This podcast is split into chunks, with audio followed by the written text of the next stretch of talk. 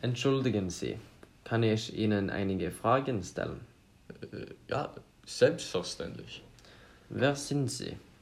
Äh, ich bin Albrecht Dürer. Hallo Albrecht Dürer. Können Sie über deinen Hintergrund erzählen? Äh, ja, okay. Ich wurde in Nürnberg ein, äh, 21. Mai 1471 geboren. Wenn ich war 15 Jahre, arbeitet ich, mir, ich in einem Goldschmied mit meinem Vater. Äh, später begann ich mit Kunst zu arbeiten. Ich war Michael Wohlgemuths Lehrling. Äh, nach drei Jahren Arbeit mit Michael fertig. Meine erste berühmte Malerei kommt in 1490 heraus. Es war in ein Bild aus meinem Vater. Äh, danach begann meine Künstlerkarriere.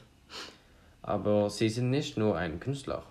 Äh, nein, ich bin auch ein Zeichner, Schriftsteller, Mathematiker, Holzschnittillustrator und Grafiker. Aber ich bin am berühmtesten für meine Kunst.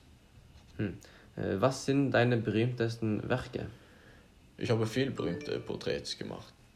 Sie sind ich sehr stolz aus. Meine Malerien mit Krieg und Gewalt sind auch sehr anerkannt.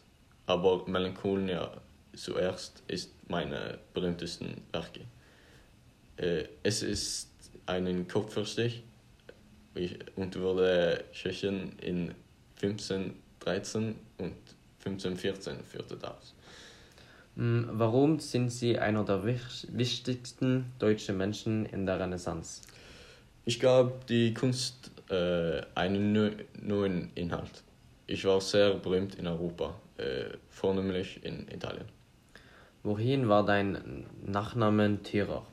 Warum austauschst du zu Thierer? Äh, es war, weil ich würde, dass mein Nachname dem Nürnberg-Dialekt entspricht. Vielen Dank für das Interview. Kein Problem. Tschüss.